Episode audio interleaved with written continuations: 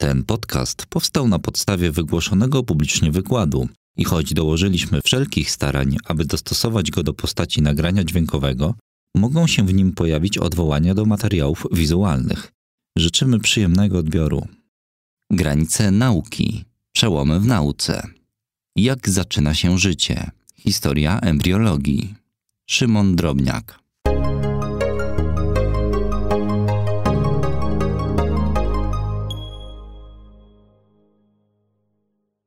Witam e, wszystkich bardzo serdecznie. Wskaźnik widać. Niestety mi się rozładował mój wskaźnik, skąd to, stąd to opóźnienie.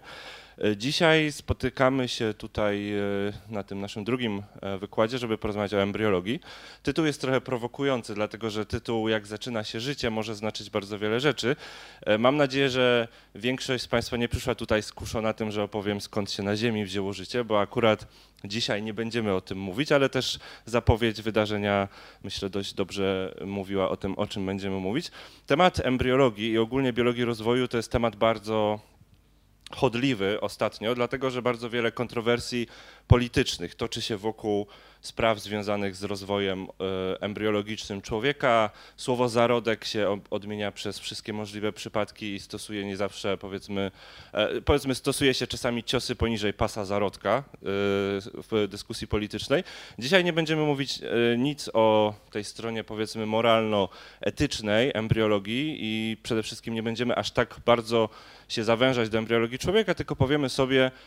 jak w ogóle zmieniała się myśl e, embriologiczna, czyli jak e, naukowcy dochodzili do tego, co obecnie wiemy o tym, jak organizmy żywe w ogóle się e, rozwijają. Chyba będę cię musiał prosić o przerzucanie. To jest taka, taka infografika, którą ja bardzo lubię, dlatego że ona w bardzo zgrabny sposób podsumowuje to, co tak naprawdę do tej pory wiemy o osobniczym rozwoju człowieka i podejrzewam, że każdy, kto E, kto e, kiedykolwiek szukał informacji na ten, na ten temat, pewnie e, doskonale zna ten ciąg wydarzeń, który zaczyna się od zapłodnienia komórki jajowej. Wszyscy znamy prawie że takie ikoniczne rysunki, na których mamy gastrulację, później formu, for, formuje się blastula, z której powstaje zarodek, który wreszcie w postaci miniaturowego człowieka przychodzi na świat. Wydaje nam się to wszystko takie bardzo zgrane, logiczne, i trudno tutaj doszukiwać się jakichś luk. Natomiast prawda jest taka, że e, dochodzenie do naszej wiedzy na ten temat było bardzo długie i e, początki embriologii, tego co tak naprawdę sądzono o rozwoju osobniczym człowieka, były e, wręcz powiedzmy fantastyką naukową, dlatego że jak za chwilę zaczniemy sobie o tym opowiadać, to zobaczycie Państwo, że pierwsze pomysły na to, skąd się w ogóle bierze człowiek w rozwoju osobniczym, były dosyć dosyć specyficzne. E, co więcej, e, to co tutaj widzimy, to jest tak naprawdę tylko pewna zewnętrzna manifestacja tego, co dzieje się w czasie rozwoju zarodkowego, a najbardziej dynamiczną obecnie gałęzią e, embriologii i biologii rozwoju jest to, co tak naprawdę napędza te wszystkie zmiany, czyli to, co na poziomie genetycznym i tak jak na końcu się dowiemy, ewolucyjnym sprawia, że na przykład ta konkretnie jedna z tych komórek w tym takim winogronku, które tutaj powstaje, wie dokładnie ile razy ma się podzielić i w którym miejscu w zarodku znaleźć, żeby na przykład uformować płuco albo mózg, co ciągle jest wielką tajemnicą bym cię prosił o przerzucenie. Pierwszą rzeczą, która tak naprawdę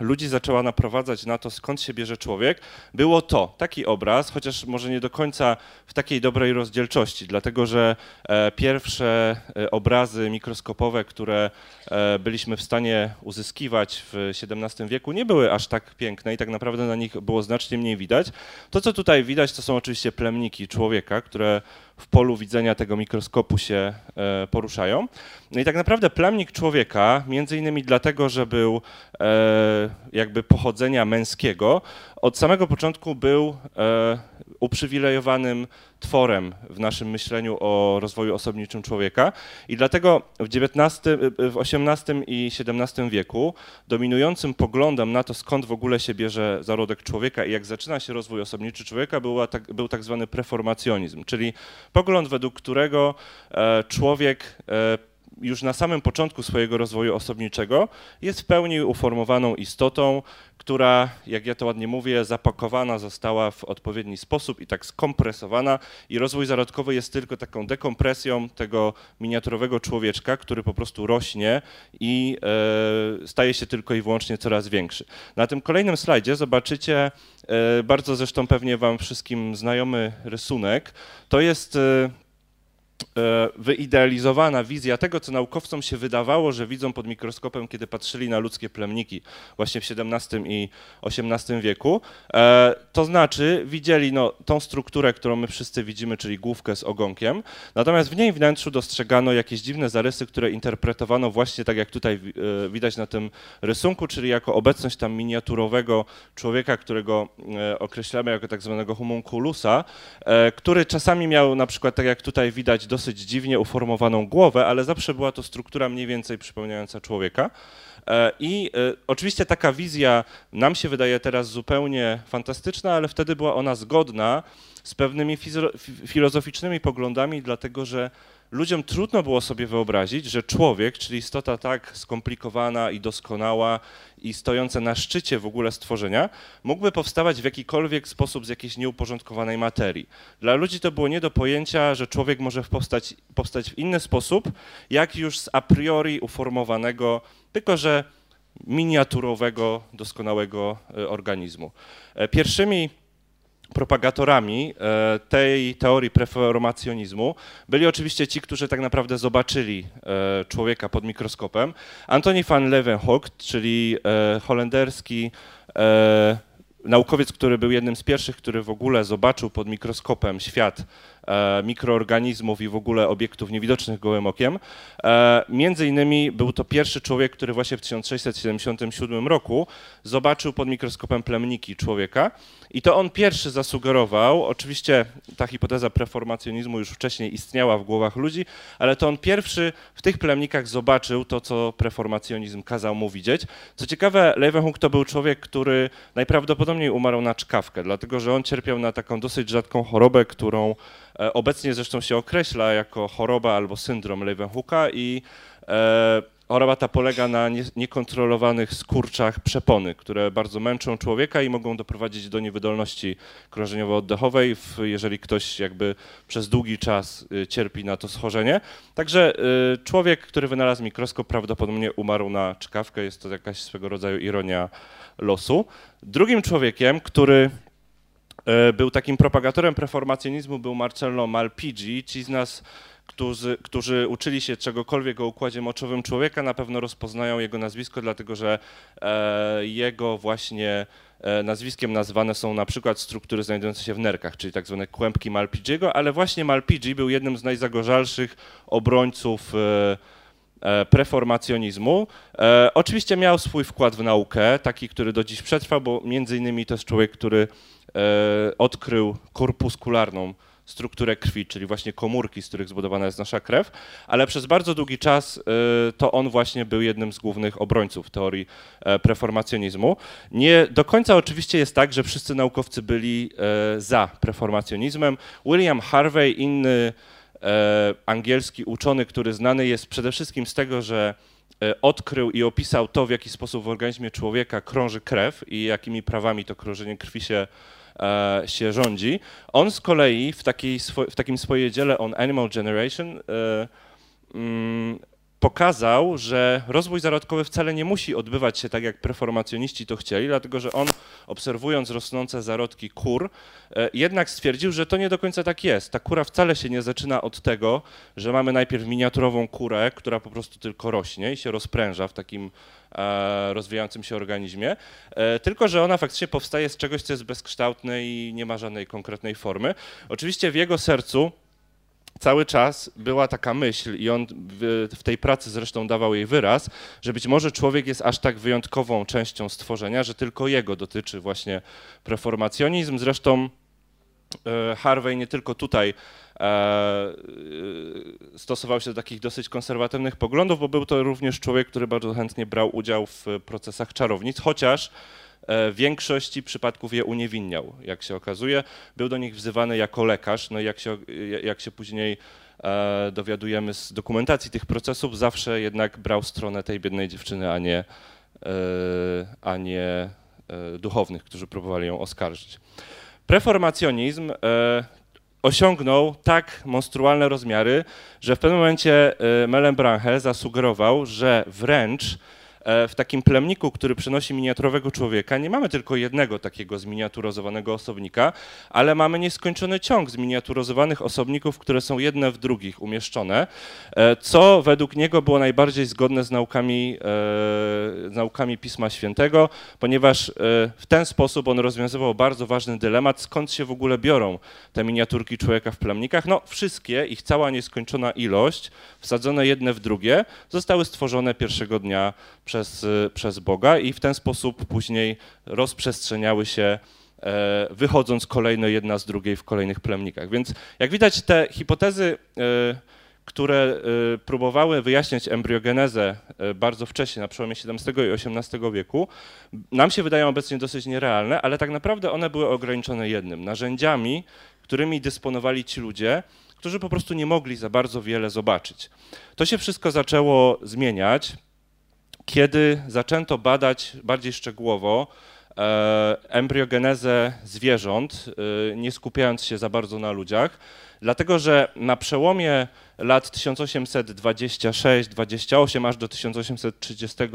roku e, pojawiło się całkiem sporo prac, które coraz więcej nam mówiły o tym, jak rozwijają się organizmy. Między innymi Heinz Pander oraz później także prace Karla von Bera doprowadziły do stworzenia tak zwanej teorii listków zarodkowych, która jak wiemy do dzisiaj jest jedną z podstawowych teorii opisujących rozwój organizmów. Ta teoria mówiła o tym, że e,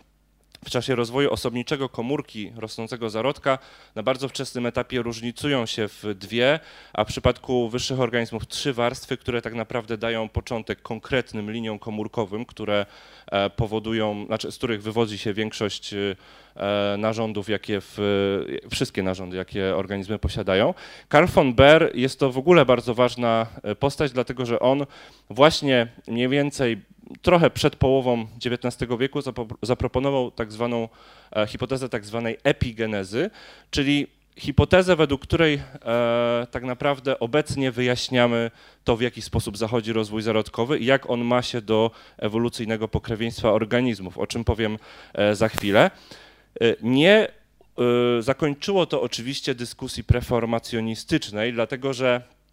po tych odkryciach, kiedy pokazano, że rola tego jaja czyli struktury, z której powstaje zarodek, e, jest tak e, znaczna, pojawiła się e, druga grupa, że tak powiem, oponentów, którzy również na bazie preformacjonistu,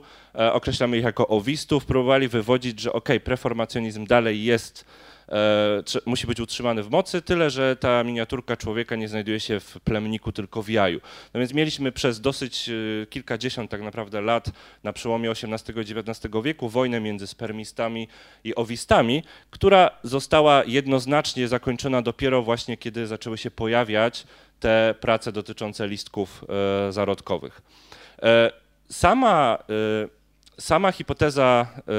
Bera i wcześniejsze prace właśnie dotyczące tych trzech warstw komórek, które dają początek zarodkowi, były dosyć rewolucyjne, ponieważ one pokazały, że embriogeneza steruje się przede wszystkim tym, w jaki sposób przestrzennie rozmieszczone są i w jaki sposób przestrzennie E, przemieszczają się konkretne komórki w rosnącym zarodku. To była bardzo rewolucyjna hipoteza, dlatego że e, ona eliminowała e, tutaj tą, ten element chaosu, to znaczy człowiek po prostu nie powstawał z bezkształtnej masy komórek, która się w jakiś sposób dziwny lepiła w bardziej ludzkie kształty, tylko ten cały proces jawił się jako coś znacznie bardziej zorganizowanego. Zresztą na następnym slajdzie, jak zobaczymy, ten proces, który prowadzi od y, zapłodnionej komórki jajowej poprzez poszczególne podziały, bardzo szybko zaczyna być bardzo uporządkowany i tak naprawdę y, ta gastrulacja, czyli właśnie proces, który doprowadza do powstania drugiej warstwy komórek, która w rosnącym zarodku niejako wpukla się do środka takiego zarodka, ten proces organizuje już całą embriogenezę i tutaj akurat jakiegoś wyidealizowanego organizmu, który sobie rośnie. Oczywiście odkrycie tego mechanizmu związanego z listkami zarodkowymi zupełnie nie wyjaśniało tego, co dzieje się dalej. Czyli tego, w jaki sposób organizm z takiej, powiedzmy, rury zbudowanej z dwóch komórek y, albo z trzech warstw komórek e, przekształca się w coś, co jest e, co ma kończyny, co ma głowę i ogon, czyli ma jakąś polarną, że tak powiem, oś przód-tył oraz co bardzo często, jak później się okazało, e, ma konkretne, powtarzalne struktury w swoim organizmie, bo jak wiemy, większość organizmów, e, e, począwszy od pierścienic aż do stawonogów i kontynuując przez kręgowce, ma mniej lub bardziej uporządkowaną periodyczną, czyli segmentowaną strukturę ciała. To wszystko przyszło dopiero później. Natomiast po drodze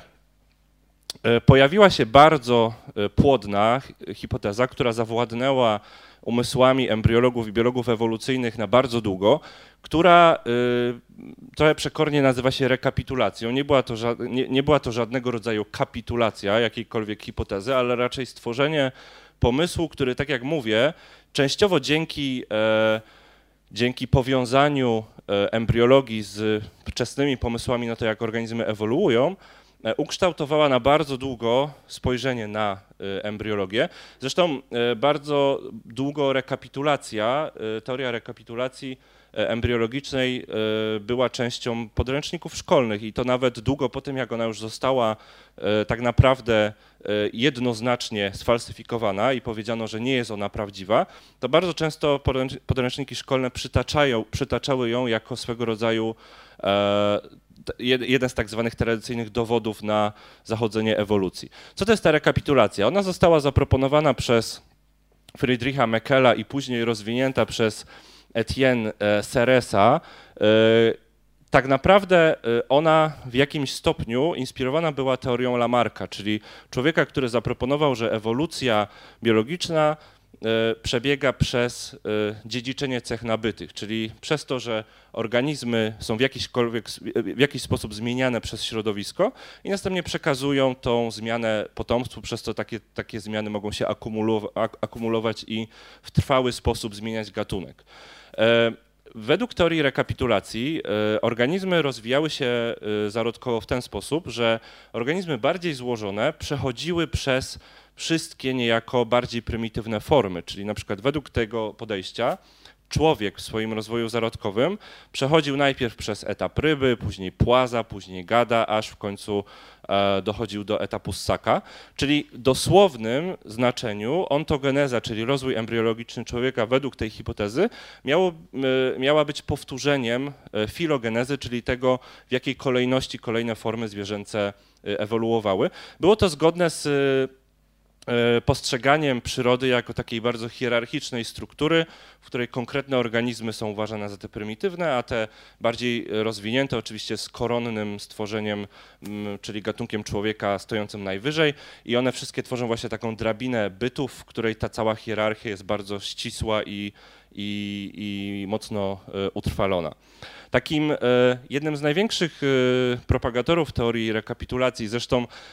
propagatorem, który nie skapitulował z rekapitulacją, nawet kiedy Ernst von Baer wyprowadził swoją hipotezę epigenezy, która jakby stoi w opozycji do rekapitulacji, był Ernst Haeckel, niemiecki naukowiec, który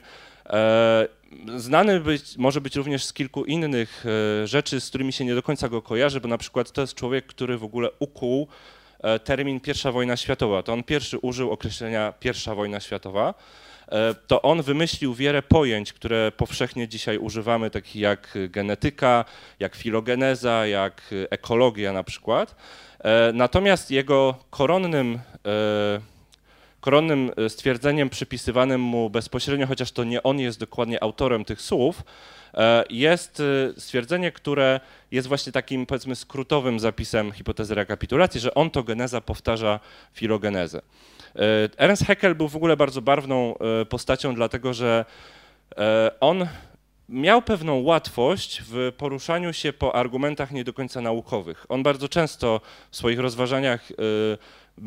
tak meandrował poza granice tego, co było akceptowalną wiedzą naukową w danym czasie. Na przykład przez bardzo długą część swojego życia upierał się że człowiek nie ewoluował w Afryce, tylko w Azji i upierał się, że na pewno w Azji gdzieś są Indone w Indonezji, na wyspach Indonezji szczątki jakichś pierwszych form człowieka. E, oczywiście ostatecznie nie udało się tam znaleźć żadnych dowodów potwierdzających tą hipotezę, ale Haeckel i tak e, ją bardzo mocno propagował, e, mimo tego, że nie miał oczywiście na to żadnych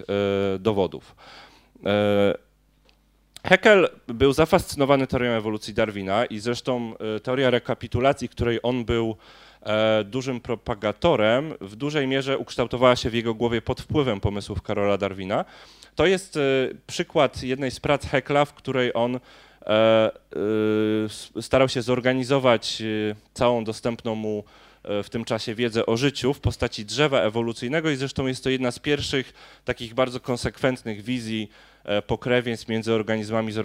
zorganizowanych właśnie w ten sposób. Oczywiście jest to drzewo bardzo hierarchiczne, gdzie na najwyższym pędzie, tam gdzie jest e, czubek wzrostu tego drzewa, o którym też mówił, tylko że na korzeniu dzisiaj Mariusz, jest oczywiście człowiek, czyli ukoronowanie całego stworzenia. E, natomiast Haeckel jest znacznie bardziej znany z nieco innych, z nieco innych prac. Zanim do nich przejdziemy, musimy sobie jasno powiedzieć, e, jak e, według Hekla e, prze, przebiegała embriogeneza i czym tak naprawdę była według niego e, rekapitulacja, dlatego że to nam pozwoli później odnieść to do e, tego, jaki jest ten, e, jaki jest to przeciw, jaka jest ta przeciwna wizja tego procesu. Na tym schemacie mamy przykład tego, jak powinna przebiegać, jak powinien przebiegać rozwój embriologiczny trzech różnych gatunków. Jednym jest ryba, drugim jest jakiś płas, żaba, a trzecim jest ptak. Według teorii rekapitulacji, e, to co działo się w każdej kolejnej, bardziej zaawansowanej grupie zwierząt, polegało po prostu na powiedzmy kompresji tego etapu, który był e, ewolucyjnie wcześniejszy,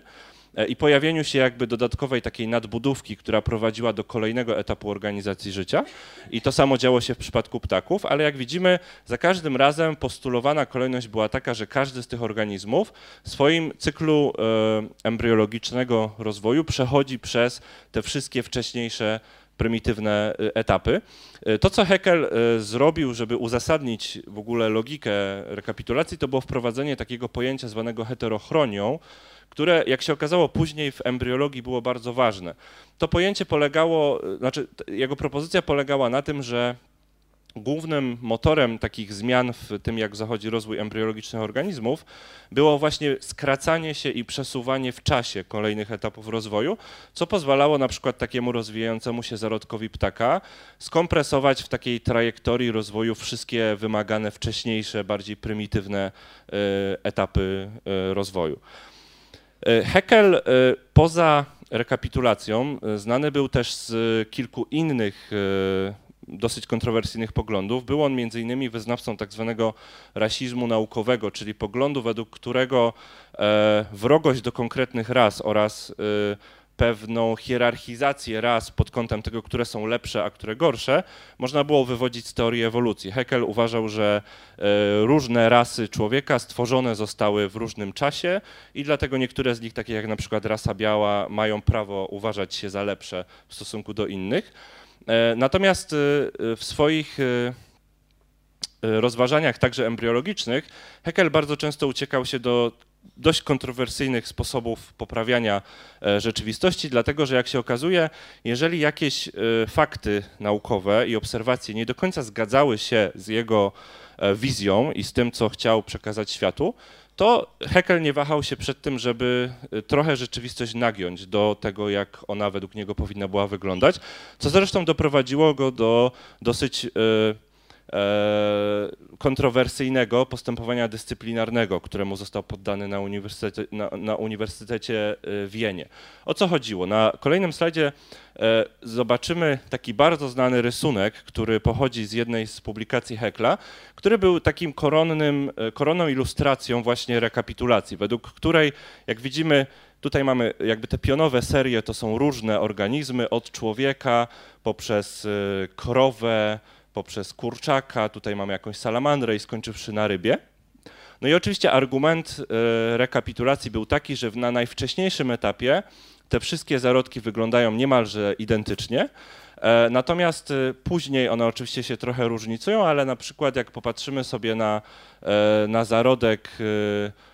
na przykład jak popatrzymy sobie tutaj na tego kurczaka, no to on teoretycznie powinien przypominać kształtem to, co tutaj mamy na wcześniejszym etapie rozwoju. No i cała kontrowersja z tym rysunkiem polegała na tym, że Heckel bardzo mocno nagiął fakty, tworząc ten rysunek. Przede wszystkim tworząc tą pierwszą e, ilustrację tej pierwszej fazy rozwoju zarodkowego, gdzie tak naprawdę te zarodki wcale nie wyglądają aż tak e, podobnie do siebie. Jak się okazało, Heckel usunął z, z tych rysunków kilka dość istotnych struktur, które je od siebie odróżniały, żeby wzmocnić to wrażenie, jakie postulowała E, hipoteza rekapitulacji. W innej książce posunął się wręcz do tego, że przedstawiając rysunki zarodków różnych gatunków i próbując przeforsować hipotezę, że E, mają one identyczną strukturę, użył dokładnie tego samego rysunku, który później podpisał e, na trzy różne sposoby, żeby pokazać, że te zarodki są od siebie praktycznie nieodróżnialne. E, oczywiście Heckel nie tylko tam brylował, jak się okazuje, ta jego miłość do poprawienia rzeczywistości nie tylko tam miała, miała swoje odbicie, dlatego że on poza mm, swoimi poglądami związanymi z embriologią znany jest także jako jeden z pierwszych naukowców, który dostrzegał, że tak powiem, piękno i artystyczną e, stronę przyrody. Jest on autorem e, takiej dosyć znanej książki, którą zresztą można bardzo dobrej jakości, w postaci dobrej jakości skanów za darmo w internecie e, zdobyć. Kunstformen der Natur, czyli artystyczne formy natury, coś takiego, można by to w ten sposób przetłumaczyć, gdzie starał się pokazać piękno życia i różnych organizmów żywych, przedstawiając je, e, tak jak tutaj widzimy, w postaci takich tablic, które eksponowały pewne, pewne uporządkowanie, symetrię i ogólnie e, piękno formy tych organizmów. No jak się okazuje, e, oczywiście z jednej strony wiele z tych przedstawionych na tych tablicach e, ilustracji obrazowało gatunki, które w ogóle Heckel odkrył, przeglądając różnego rodzaju zbiory czy jeżdżąc na różnego rodzaju ekspedycje, ale naukowcy, którzy się tym pracą przejrzeli, stwierdzili, że niektóre z nich to z kolei są zupełnie fantastyczne stworzenia, które tak naprawdę nie powinny e, istnieć, tylko zostały nieco podrasowane, żeby wyglądać piękniej i jakby wzmacniać ten przekaz, który on chciał pokazać. Tutaj na kilku kolejnych slajdach widzimy właśnie przykłady tych e, ilustracji. One są niezaprzeczalnie piękne, ale niestety, jak się okazało, niektóre z nich nie do końca odpowiadały e, rzeczywistości. No, nie ulega wątpliwości, że Heckel był postacią bardzo barwną. E, na, jego, na, na bazie jego mm, osoby powstał nawet horror, w którym e, embriologia ściera się z z gardłem, który jest wyrywane Heklowi przez e, wskrzeszonego kościotrupa oraz e, jego imię, znaczy jego nazwisko zostało uwiecznione w takiej nazwie hekelity. To są takie specjalne struktury budowane z atomów węgla, które potrafią, które potrafią znieść dosyć duże obciążenia i obecnie akurat inżynieria materiałowa dosyć intensywnie je bada. Po Heklu przyszła, tak jak wspomniałem, hipoteza epigenezy, czyli jakby zupełnie zaprzeczenie tego, co proponowała teoria rekapitulacji. Ona się pojawiła dosyć wcześnie, to znaczy niemalże równocześnie z tym, jak zaczęto tak mocno rozpropagowywać teorię rekapitulacji. Teoria epigenezy wysunięta przez Karola e, von Bera również była mocno, e, mocno rozpowszechniana, tyle że ona nie miała aż tak medialnych i aż tak zagorzałych obrońców. E, dlatego, tak jak mówię, mimo tego, że większość naukowców ją dosyć powszechnie uznała za obowiązujący opis rozwoju zarodkowego, to rekapitulacja aż do lat 10., 20. XX wieku ciągle się przewijała przez biologię ewolucyjną i dopiero Gould właśnie w XX wieku na dobre ją e, odesłał do, do lamusa. E, Karl von Baer, e,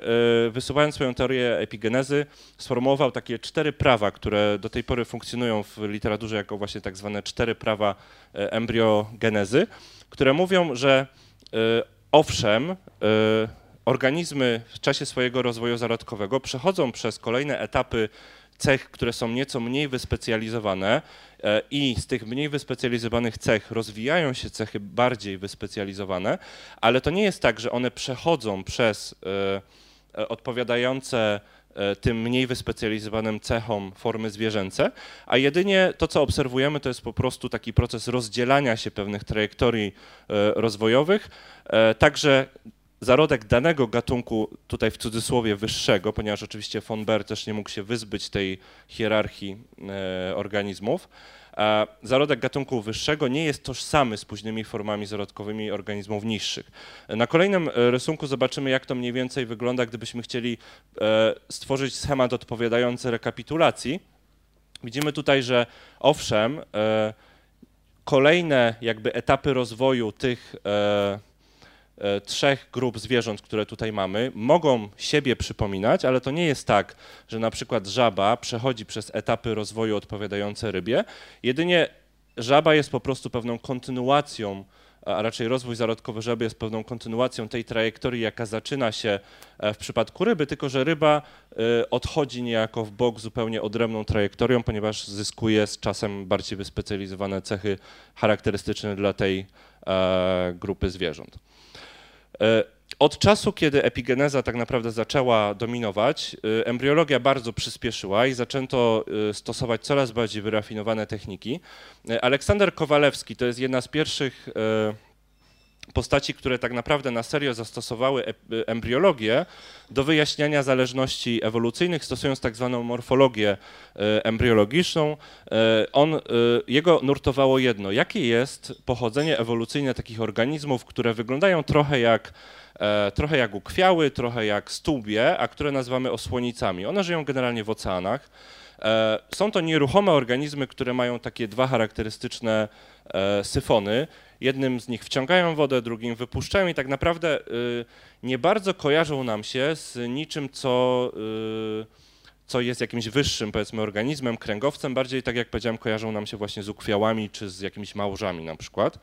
Natomiast Kowalewski, e, starając się rozwiązać tę zagadkę, stwierdził, że być może embriologia, czyli obserwowanie najwcześniejszych etapów rozwoju takiego organizmu, jest odpowiedzią. No i okazało się, że larwa takiej osłonicy, którą tutaj mamy, strukturalnie bardzo przypomina yy, yy, i też budową ciała bardzo przypomina lancetnika, czyli takiego bardzo wczesnego strunowca, czyli przodka, yy, przodka późniejszych organizmów, które, od których oddzieliły się kręgowce, czyli również ta linia ewolucyjna, która doprowadziła do nas. Więc był to pierwszy przypadek, kiedy embryologię wykorzystano do potwierdzenia e, e, zależności ewolucyjnej między osłonicami a resztą e, zwierząt i do wykazania, że faktycznie pochodzą one, że są one faktycznie strunowcami, czyli są dosyć blisko spokrewnione na przykład z nami, a nie chociażby z ukwiałami. E, tą logikę, jak się okazuje, stosował również Darwin, dlatego że Karol Darwin miał w swoim życiu taki epizod, kiedy zajmował się pąklami. To są takie małe skorupiaki, które również e, nie przypominają zbytnio innych skorupiaków, dlatego że są nieruchome i żyją w takich charakterystycznych romboidalnych, wapiennych domkach. Natomiast jak się okazuje, jeżeli popatrzymy na to, jak wyglądają ich larwy, czyli wczesne etapy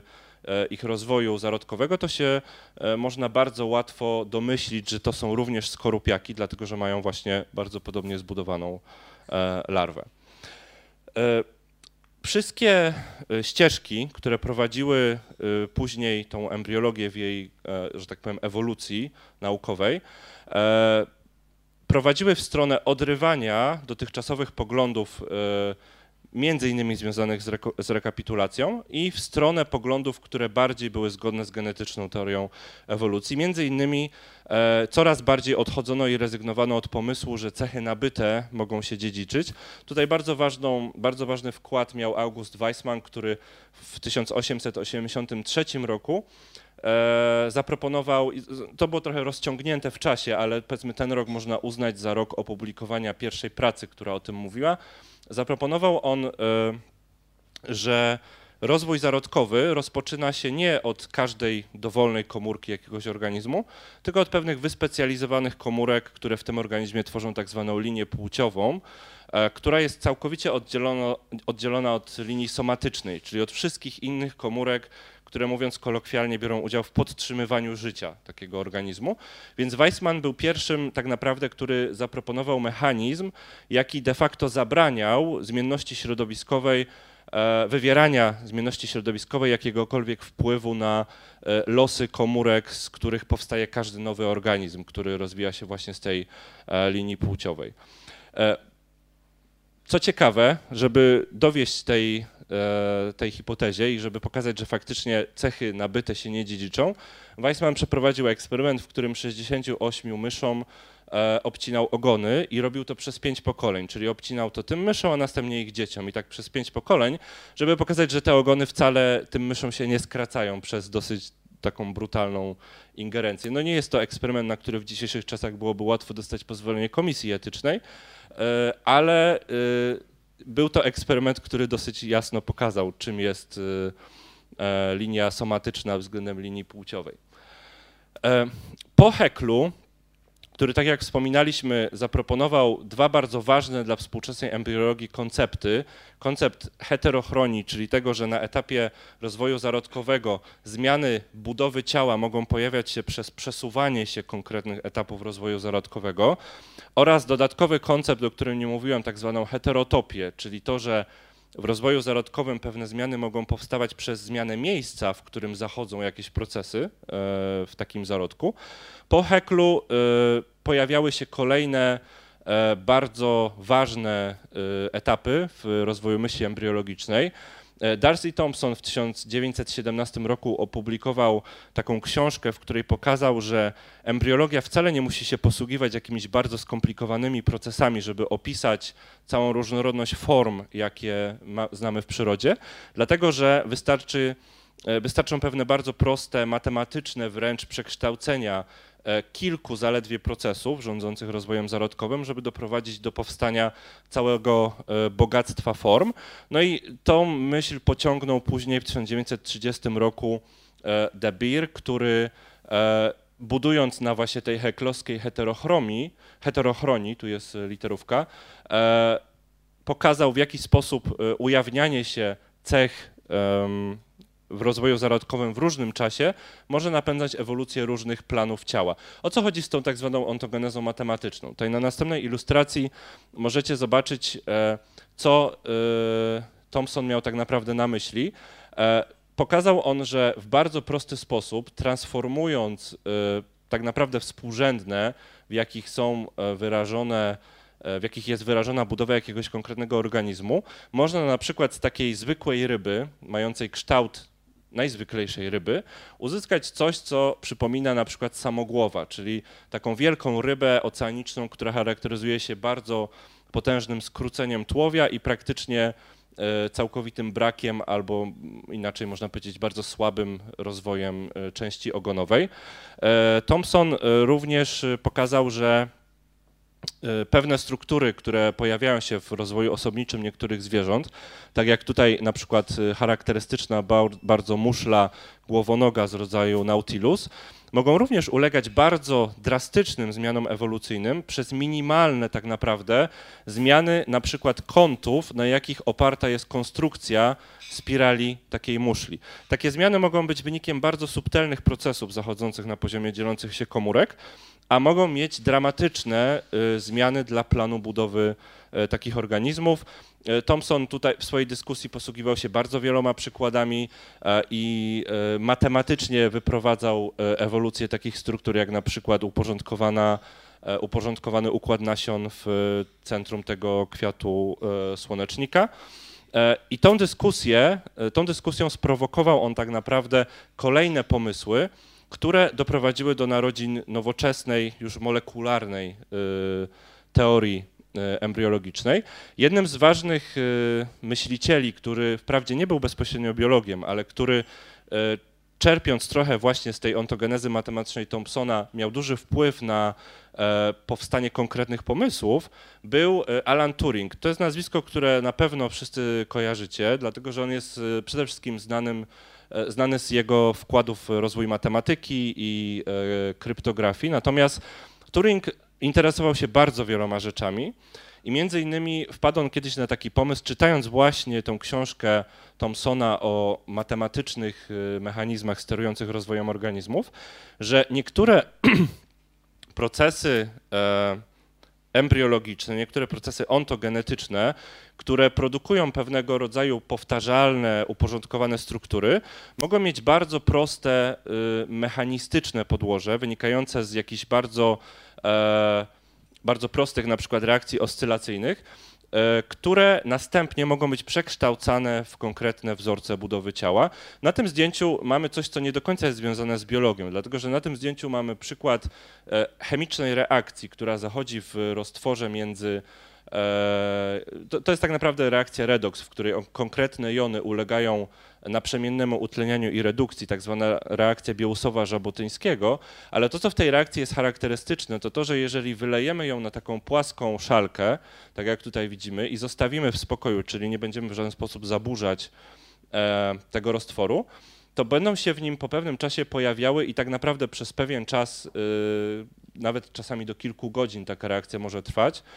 naprzemiennie rozszerzające się i tworzące, tak jak tutaj widać, bardzo uporządkowane wzory, e, fale niejako e, związków chemicznych o różnych stopniach utlenienia. Tutaj możemy je zobaczyć dzięki temu, że do tego roztworu dodano pewien specjalny wskaźnik, który wykrywa poziom utlenienia tej substancji, bo normalnie byśmy tutaj po prostu widzieli przeźroczysty roztwór, w którym ta reakcja by zachodziła, ale nie widzielibyśmy jej, jej efektów. Turing zaproponował, że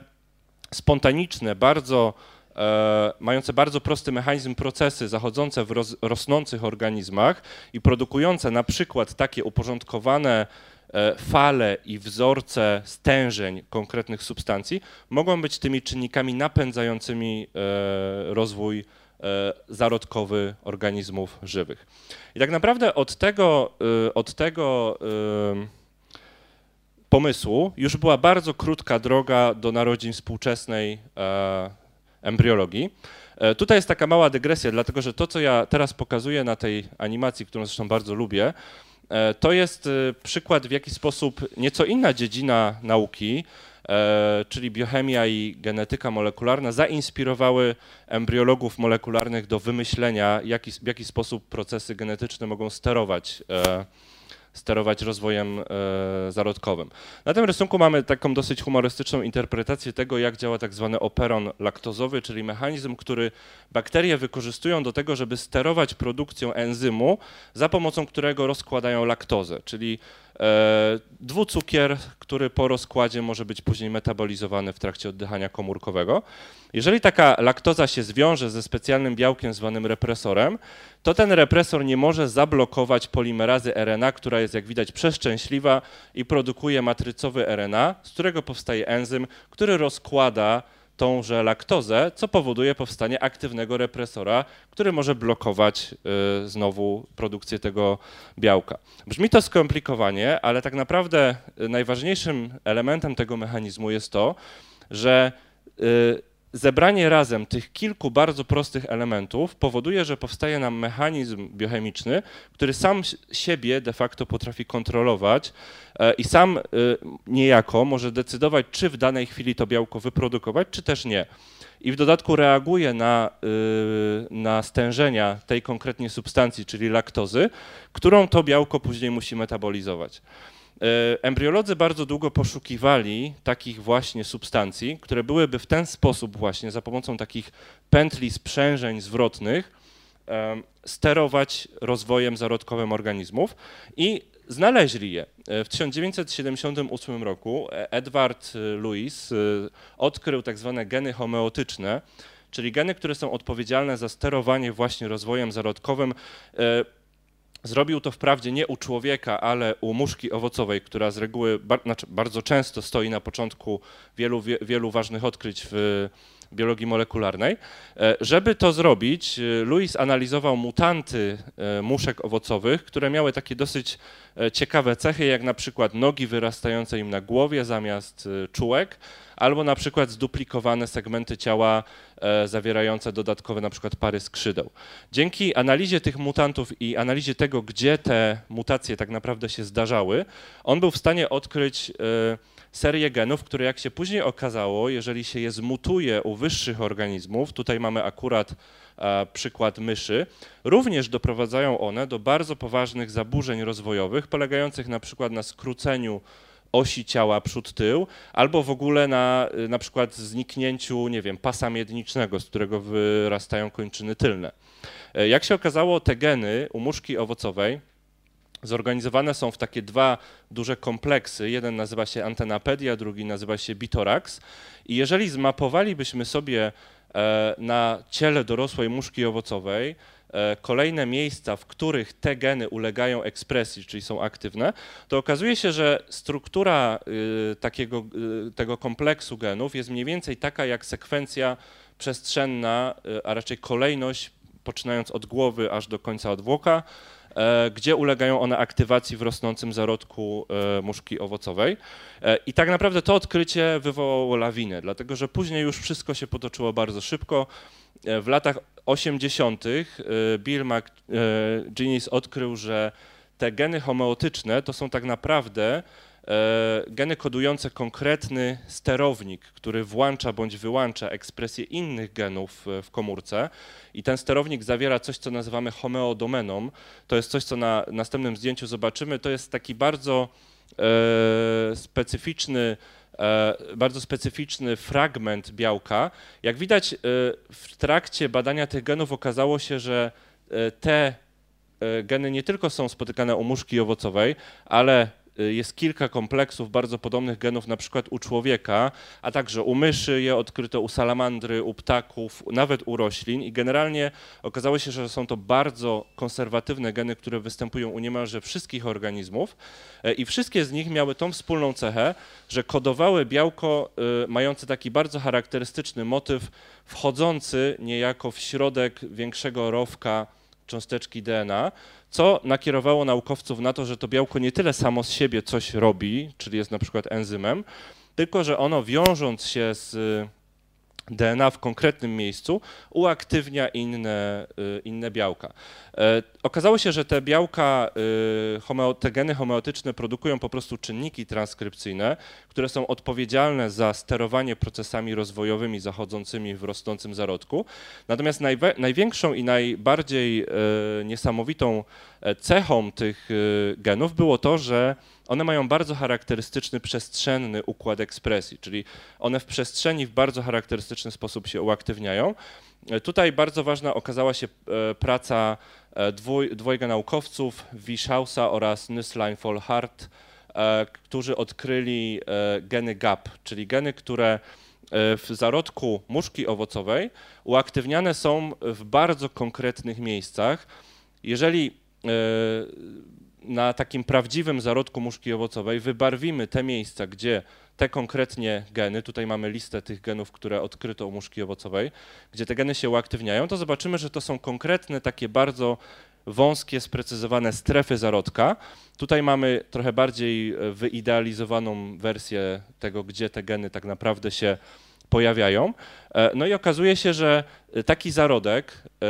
jeżeli byśmy zabarwili produkty tych różnych genów na różne kolory, w ten sposób będzie wyglądał pod mikroskopem, czyli e, te geny odpowiedzialne są za powstanie pewnej struktury, jak widać, takiej segmentowej. Tutaj w sumie powinna być animacja, ale nie wiem, czemu ona się nie odtwarza. Może jak ją klikniesz, a nie. Niestety się nie, nie odtwarza. Ja jedyne co zrobię, to no, tutaj był taki ładny GIF, który pokazywał w jaki sposób ta struktura, którą tutaj mamy,